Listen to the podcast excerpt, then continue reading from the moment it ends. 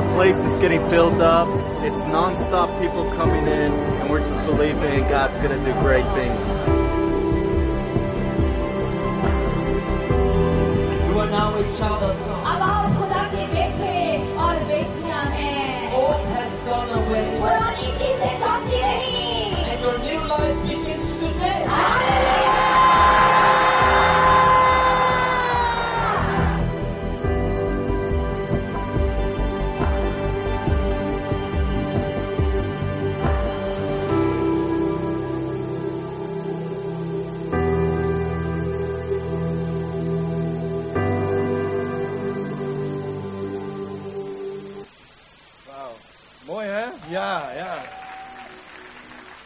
hebben hier in ons midden iemand die echt heel machtig door de Heer wordt gebruikt. Echt heel bijzonder. Nu in Pakistan. Een land dat bekend staat om christenvervolging. Maar daar was een geweldige open deur. We zijn heel trots op wat je doet, David. En zijn vrouw Joyce is hier bij ons ook. We zijn super trots wat je doet en hoe de Heer je gebruikt. Prachtig mooi. Dus laten we David de Vos van harte welkom heten in ons midden.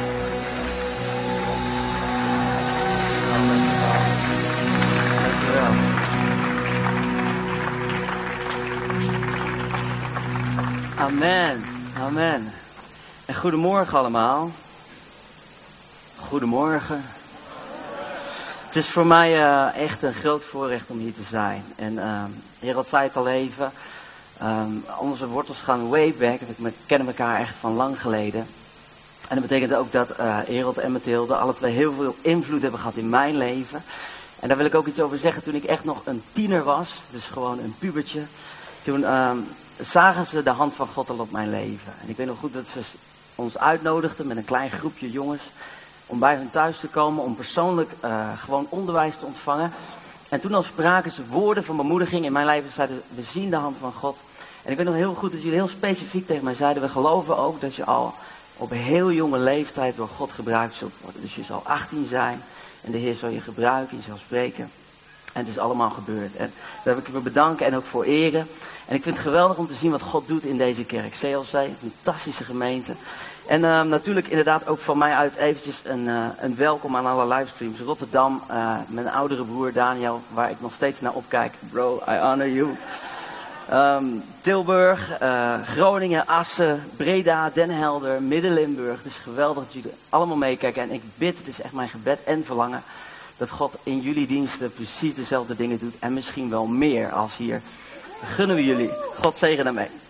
Ehm, ik geloof dat we in een heel bijzondere tijd leven. En dat we hele mooie dingen van de Heer meemaken. Het thema van mijn boodschap vanmorgen is geloof op maandag. En daar ga ik zo meteen iets over zeggen. Maar voordat ik er iets dieper op inga, wil ik heel graag gewoon een gebed bidden.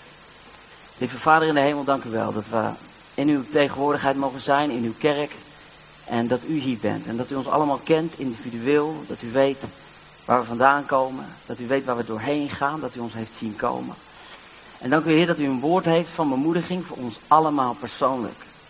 En ik bid ook Vader dat het echt zal zijn alsof u niemand overslaat. Hier in Den Haag en in alle campuses en alle CLC-kerken bid ik echt Heer dat uw tegenwoordigheid voelbaar zal zijn. En dat we ons gezien zullen voelen door uzelf. We danken u Vader voor een fantastische zondag in Jezus naam. Amen. Amen. Ehm, even een klein dingetje. Ik denk dat het merendeel van de mensen die hier zit of meekijkt via de livestream wel bekend is met de christelijke wereld. Misschien ben je dat niet. eh, dus aan sommige dingen die ik zeg eh, zul je misschien niet herkennen. Het geeft helemaal niet. Maar een groot deel van jullie zal dit misschien wel herkennen. Wie van jullie is ooit wel eens op een hele, hele goede conferentie geweest? Ja, een conferentie is een grote samenkomst, allemaal christenen bij elkaar. Een beetje vergelijkbaar als in Pakistan. En wie heeft daar hele bijzondere ervaring mee gemaakt? Ja, een beetje voor de hand liggen allemaal. En wie heeft wel eens gedacht op zo'n hele bijzondere samenkomst. En vanaf nu ga ik alles anders doen.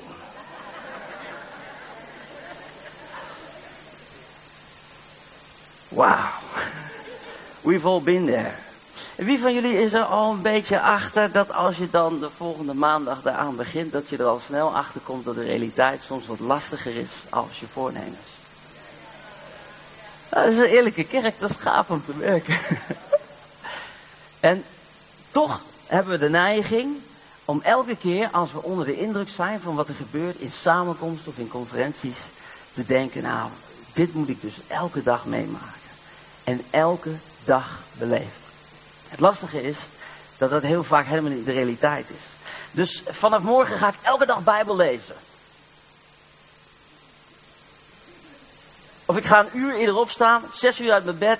Ik ga bidden. Ik weet nog goed, vroeger had je echt grote jongerenconferenties. En dan hadden we een hele gave tijd gehad. Dan ging ik naar huis en dan dacht ik, oké, Heer God, ik ga echt een uur lang bidden.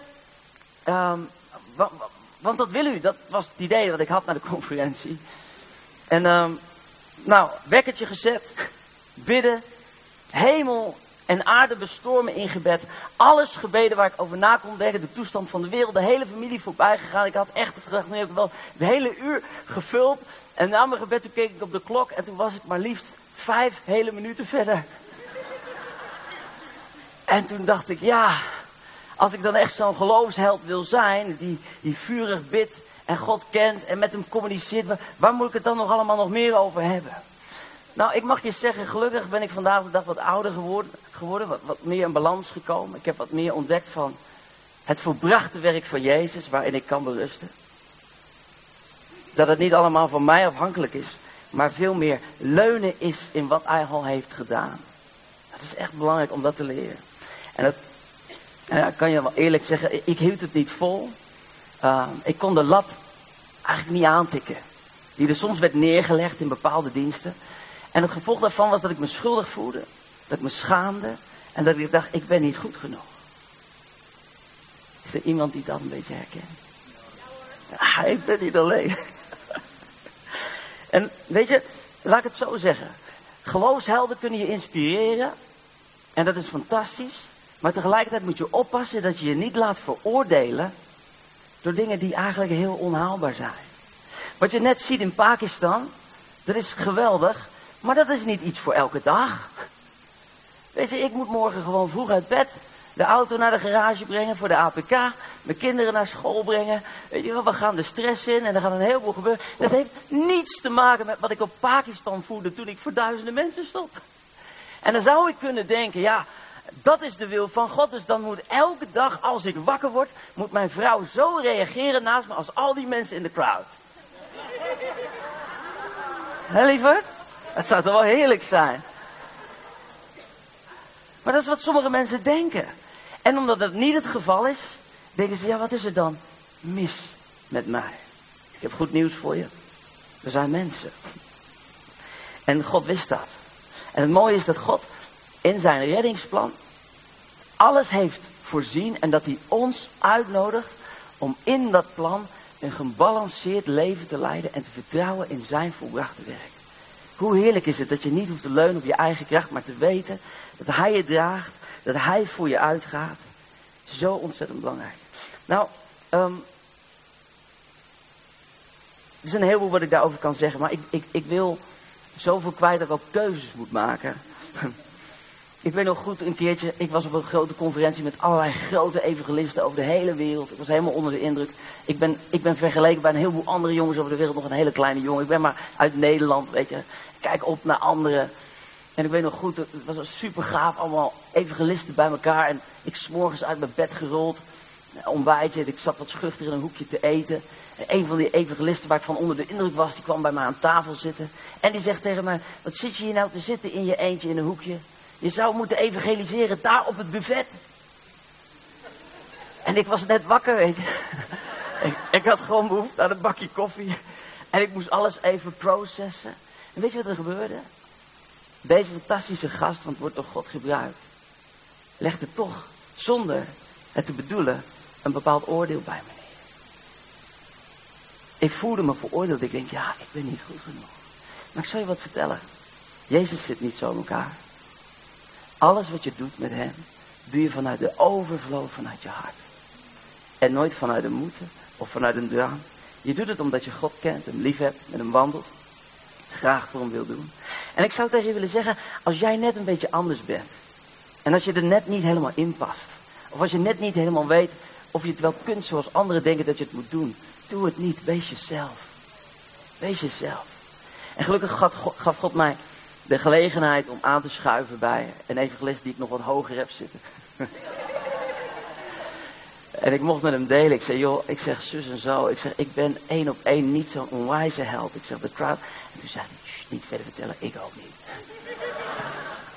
hij zegt, je moet doen waar God je verroept. Hij zegt, jij hebt een specifiek assignment. Dat heb jij ook. God heeft iets specifieks voor jou. Probeer niet iemand anders te zijn. Wees jezelf. Ehm, de Bijbel is ook een gebalanceerd boek. We lezen in de Bijbel niet alleen maar over fantastische momenten. We lezen in de Bijbel ook over dalen. We lezen in de Bijbel over moeilijkheden. We lezen in de Bijbel over winning. We lezen in de Bij- Bijbel over strijd. En wat lastig kan zijn als je alleen maar overwinning te horen krijgt. En je merkt dat je dagelijks leven niet alleen maar overwinning is. Dan denk je, doe ik iets niet helemaal goed. Ik heb goed nieuws voor je. In het leven hoort ook strijd. In het leven hoort ook moeilijkheid. In het leven hoort ook pijn. En in het leven horen ook tranen. En trust me, I know. En ik weet ook inmiddels dat als die dingen in mijn leven zijn, dat dat niet betekent dat ik niet oké ben. Sterker nog, waarschijnlijk ben ik juist op de goede weg. Is niet lekker? Zo lekker normaal, gewoon met elkaar. We gaan de Bijbel openen. 1 Koningen 18, vers 37.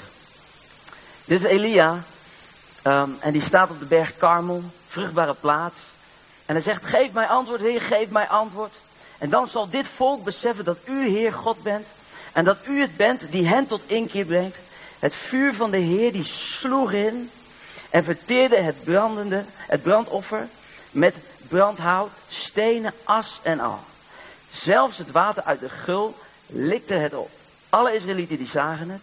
En alle vielen op hun knieën en die riepen, de Heer is God. De Heer is God.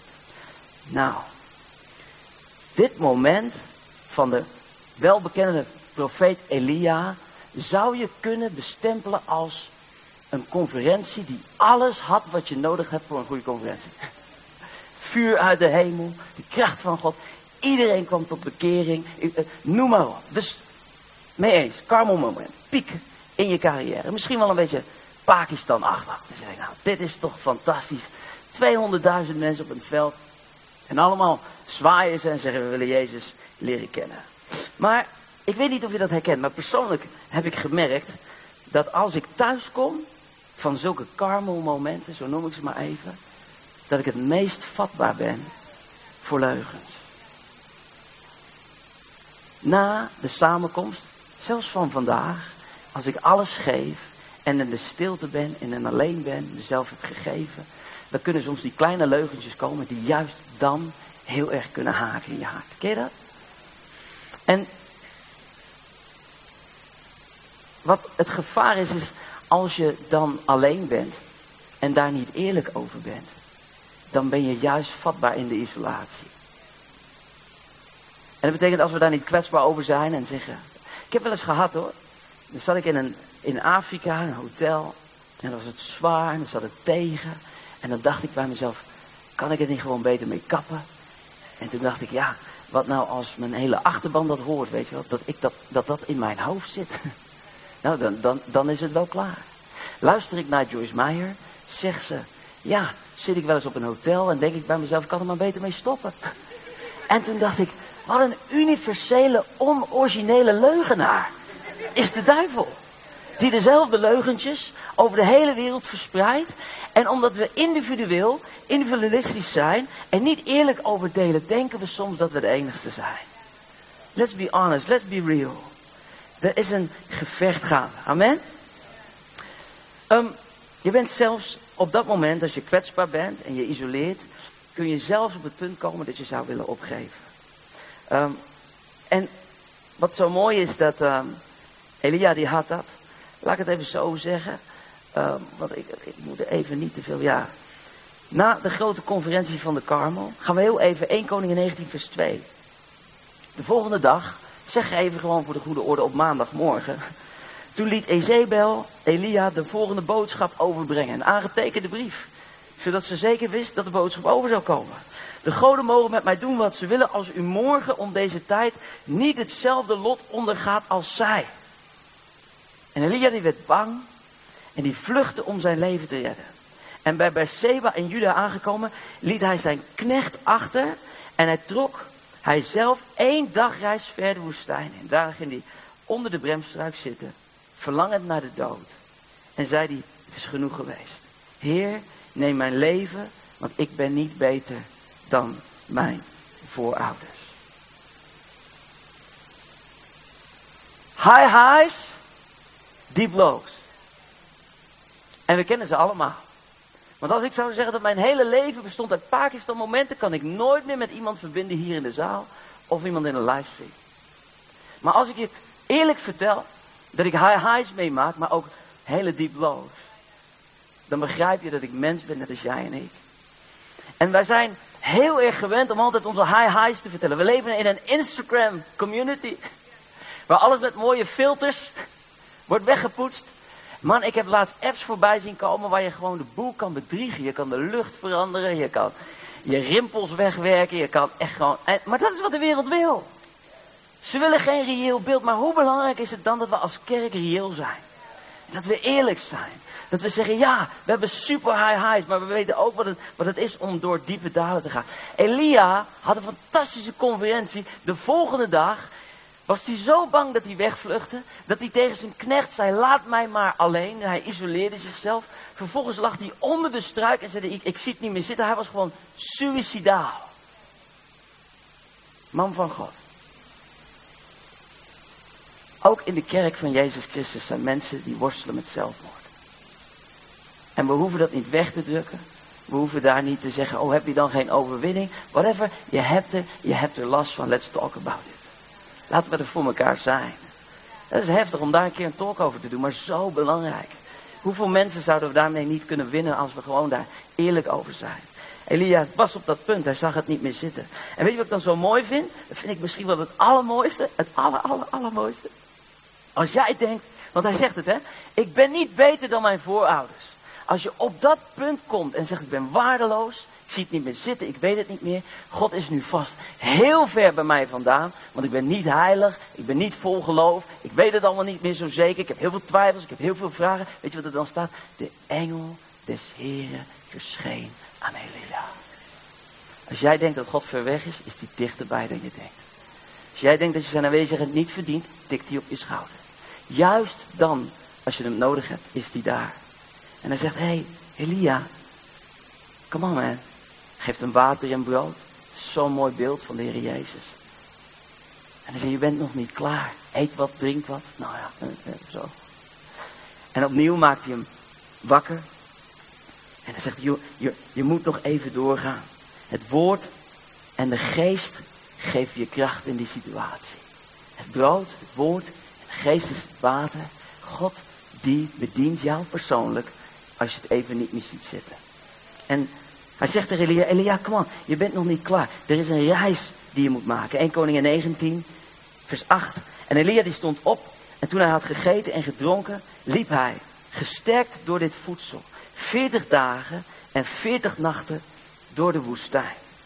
Tot hij bij de Horeb kwam, de berg van God. Een andere berg. En daar ging hij een grot binnen om er de nacht door te brengen. En toen richtte de Heer zich tot hem met de woorden. Elia, wat doe je hier? Dat is lekker bemoedigend, hè?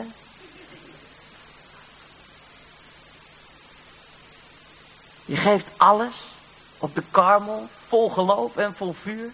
Je bent ontmoedigd, je ziet het niet meer zitten, je belandt onder de struik, je wil niet meer leven. God zegt, we gaan on de journey. We maken 40 dagen en dan kom je en dan ontmoet je eindelijk de Heer. Dan denk je, nou krijg ik het antwoord en zeg God, wat doe je hier? Waarom ben je nou hier gekomen? Wat, wat was de achterliggende reden? En dan staat Elia die, die antwoordt en zegt hij dit, hè. Ik heb me met volle overgave ingezet voor de Heer. Hij was best wel een beetje pist. De God van de hemelse machten. Maar de Israëlieten hebben uw verbond met hen naast zich neergelegd. Uw altaren verwoest. En uw profeten gedood. En moet je opletten, hè. En ik als enigste ben ik overgebleven. En nu hebben ze het ook nog eens een keer op mij voorzien.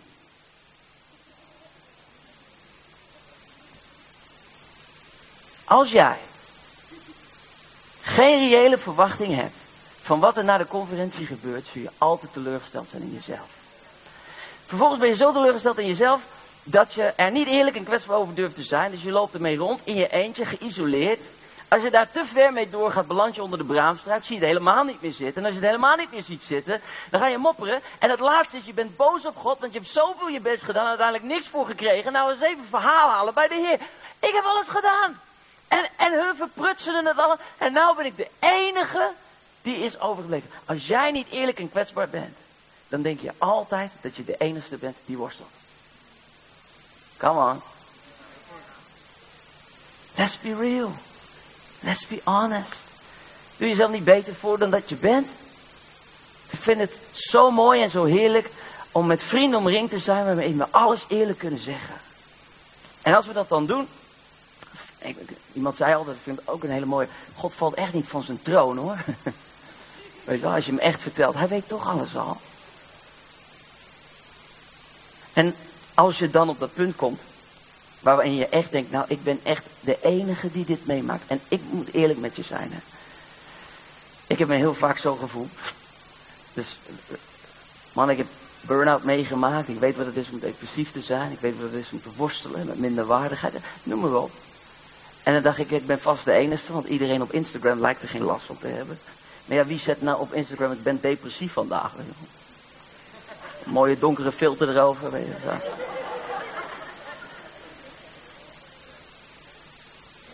up voor de eerste die dat durft. Misschien zie je er wel één keer voorbij komen. Ik hoop trouwens nooit meer een dag depressief door te maken. Maar een beetje een down day.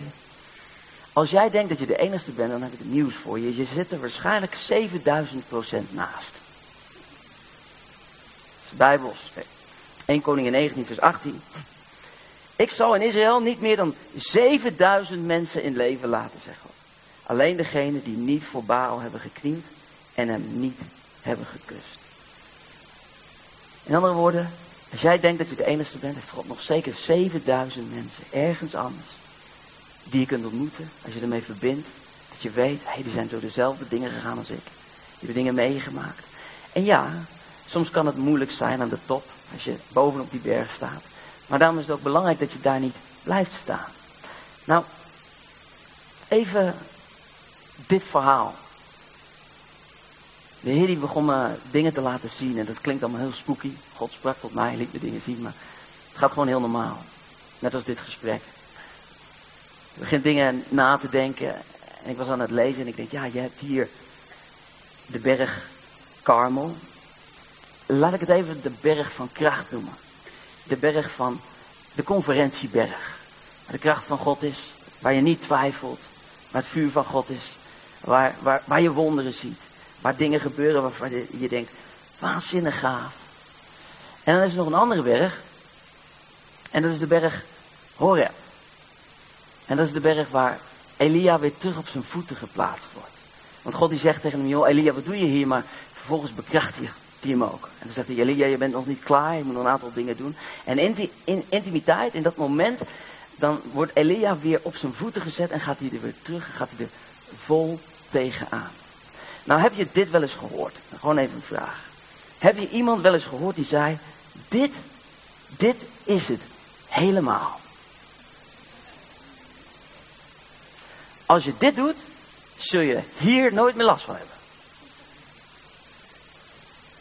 Ja toch? Heb ik niet één keer gehoord, dat heb ik heel vaak gehoord. En ik heb echt ook gedacht, als ik dat dan doe, maar vervolgens ging het proberen en dan past het niet helemaal, maar mislukte het en gaf ik mezelf de schuld. Ik doe het vast niet, niet helemaal goed. Ik zal je wat vertellen. Mensen die het hardste roepen, dit is het helemaal en dit is het enige, zo moet het, hebben heel vaak een beperkt inzicht.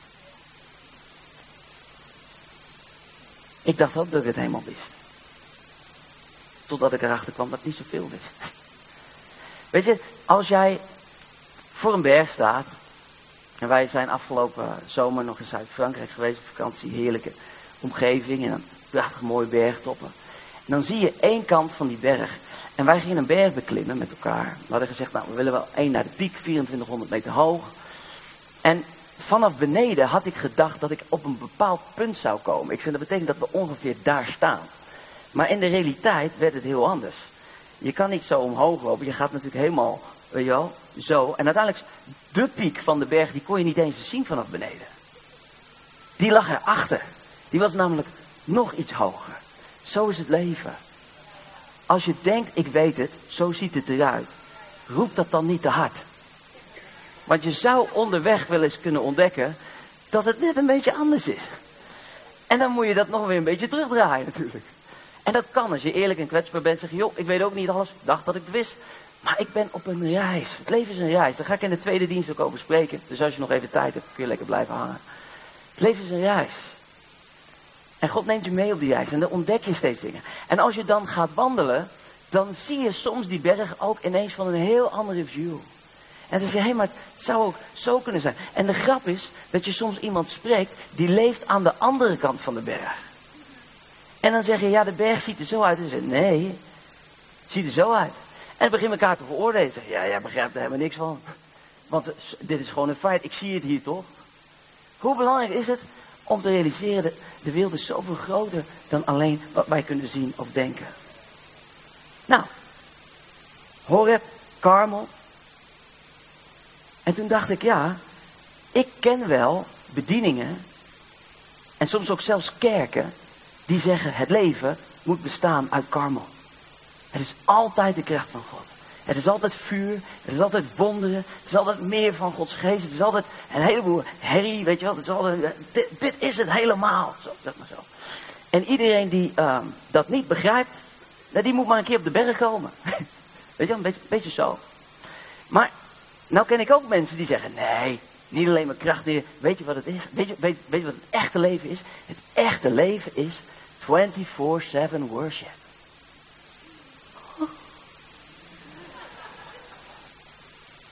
Emma. In the presence. En een beetje zweven, weet je, bijna dat we bijna beginnen te vliegen, weet je. Heerlijke momenten. En laat me wel wezen. Ik vind beide fantastisch. Op zijn tijd. Op zijn tijd. Maar er zijn mensen die echt denken en beweren dat we daar zouden moeten wonen. Dat we zeggen, dit, dit is alles. Sterker nog, ik geloof ook dat er bedieningen zijn die God op de karmel plaatst kerken, bedieningen.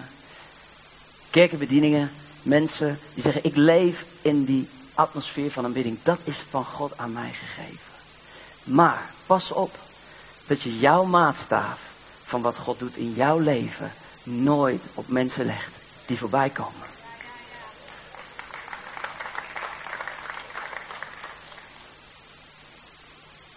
Want de meeste mensen, die komen nooit op de karmel. En misschien de meeste mensen zullen ook nooit op de Horeb komen. Die wonen gewoon tussenin. Die hebben er wel eens van gehoord, maar die hebben geen idee wat de kracht van God is. Die hebben geen idee dat, dat er wel eens wonderen. Die hebben geen idee dat er zulke samenkomsten in Pakistan zijn. En het, het, weet je, de, sommige mensen maakt het ook helemaal niet uit. Ja, mijn, mijn leven op maandag ziet er heel anders uit.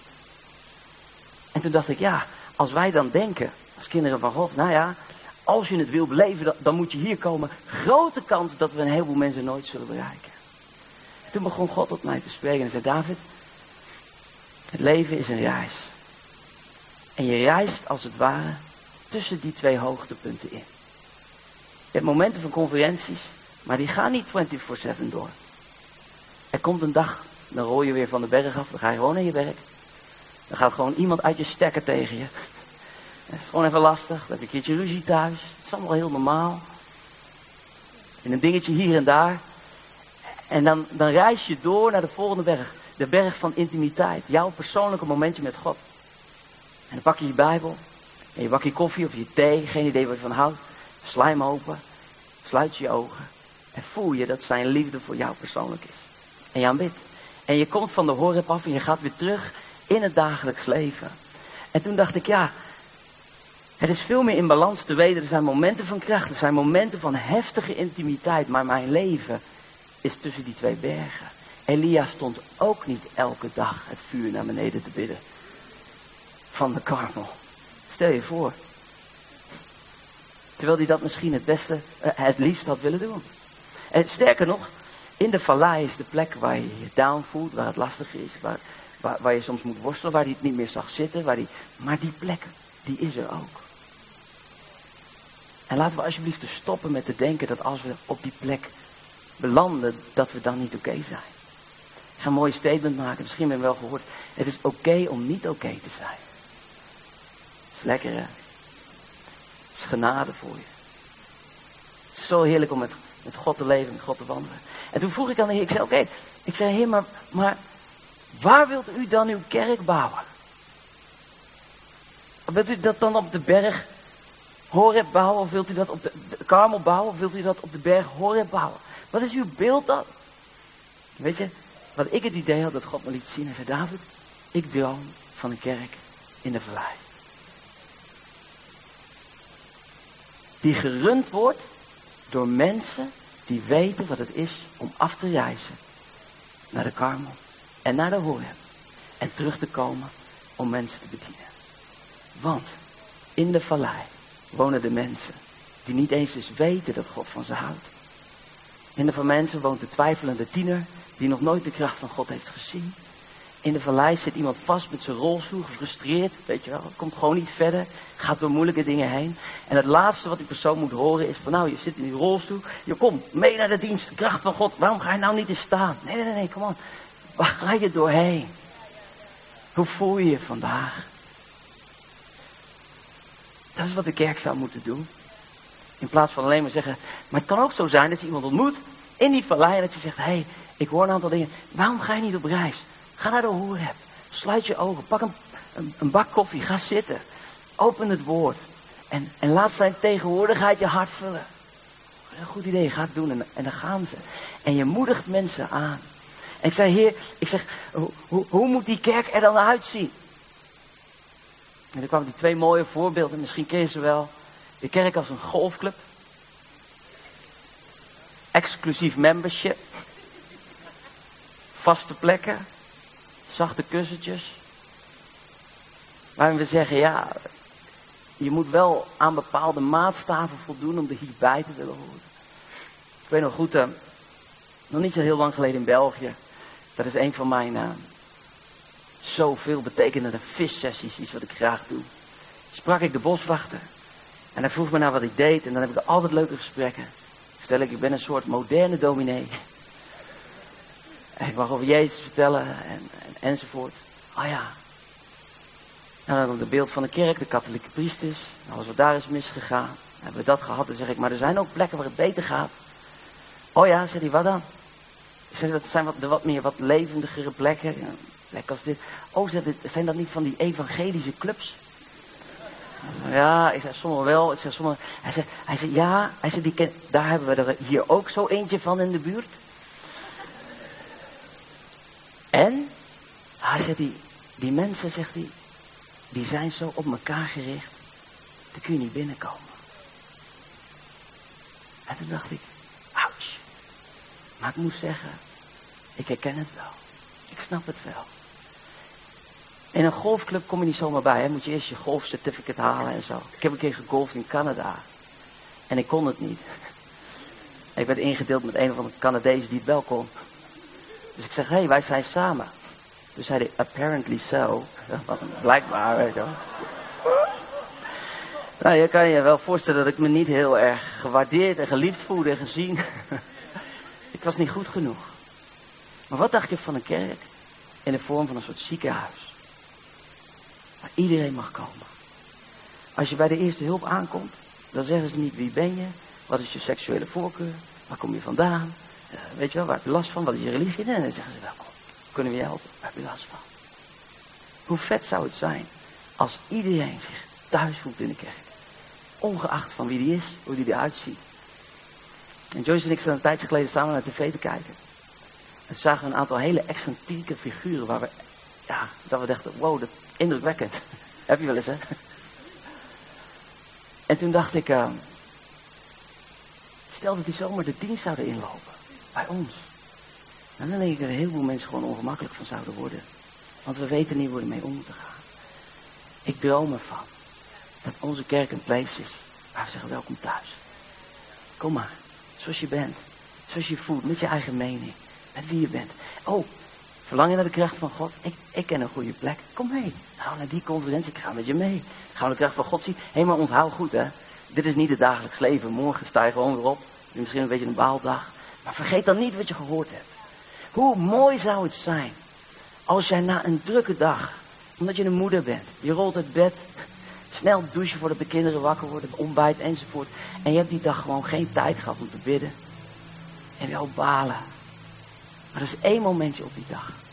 Waarop je op de fiets zit, even ver naar buiten kijkt. Naar die mooie wolken in de zon en je zegt. En je voelt Gods liefde voor je hart. Dat je aan het einde van de dag dat momentje viert. In plaats van dat je jezelf veroordeelt en zegt, ik heb niet genoeg gedaan. Ik denk dat God zo naar ons kijkt. Is zo van ons houdt. En hij zegt, ik zie het mooie in jou. Ik zie die momenten dat ik super trots ben op jou. Ik hoop dat het heeft geholpen. Ik hoop dat het je helpt om na te denken over wat is het om een gelovige te zijn. En weet je wat, ik, heb echt besloten. Om met een open hart naar iedereen te staan in deze wereld. Dat is wat ik bij Jezus zie doen. Elke keer. Als die iemand ontmoet waarvan wij denken, oh nou, die heeft een potje van gemaakt. Zijn hart altijd open. Begint hij niet te preken en te vertellen, ja, maar je zou, je zou hier. Laten we, als we karmo momenten hebben, niet naar beneden preken en zeggen, je moet het zo, je moet het zo. Maar laten we aansluiten bij mensen zitten van, hé, hey, hoe is het met je? Ga je doorheen? Kan ik iets voor je betekenen? Zullen we die kant op gaan? Zullen we die kant op gaan? Die God van liefde, die wil jou leren kennen. En ook dit, hè, daar sluit ik mee af. Als je nou iemand bent waarvan je zegt, ja maar David, ik thrive gewoon op de horeb. Ik ben een 24-7 non-stop worshipper. Dan wil ik ook tegen je zeggen, dat is fantastisch. Als God je daar roept, blijf op die plek. En daar is geen oordeel over. Ook dat is goed. Maar realiseer je dat dat niet alleen de hele wereld is. Er is zoveel meer. Amen.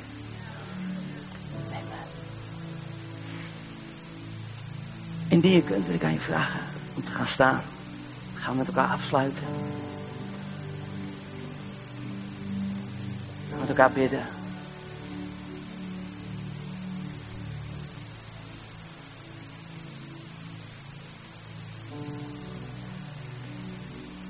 Lieve Vader in de hemel. U bent zoveel groter dan wij denken. U bent een almachtig God. Die een plan naar deze wereld had, nog voor de wereld begon. U kent ons allemaal. U weet dat we hier vandaag zouden komen. U weet waar we zitten in onze reis. U weet of we ons down voelen of dat we totaal in hemelse atmosferen verwikkeld zijn. En waar, waar we ook zijn, op welke plek ook staan. Het mag goed zijn en u bent daarbij. Ik wil u danken, Vader, dat u iedereen vanmorgen zo bijzonder wil bemoedigen op die plaats waar je bent. En ook wel dat het goed is, Heer. En ook als we worstelen, als we door dingen heen gaan, door heftige zaken gaan, dat het oké is om niet oké te zijn. En ik wil bidden, Heer, dat u uw kerk bemoedigt om daar eerlijk over te zijn. En als we er eerlijk over zijn, dat we daarmee kwetsbaarheid ontwikkelen waarin zoveel meer mensen zich thuis voelen in uw gemeente. Dank u voor uw woord. Dank u voor uw zegen. Hier in Den Haag en alle plekken die live met ons verbonden zijn.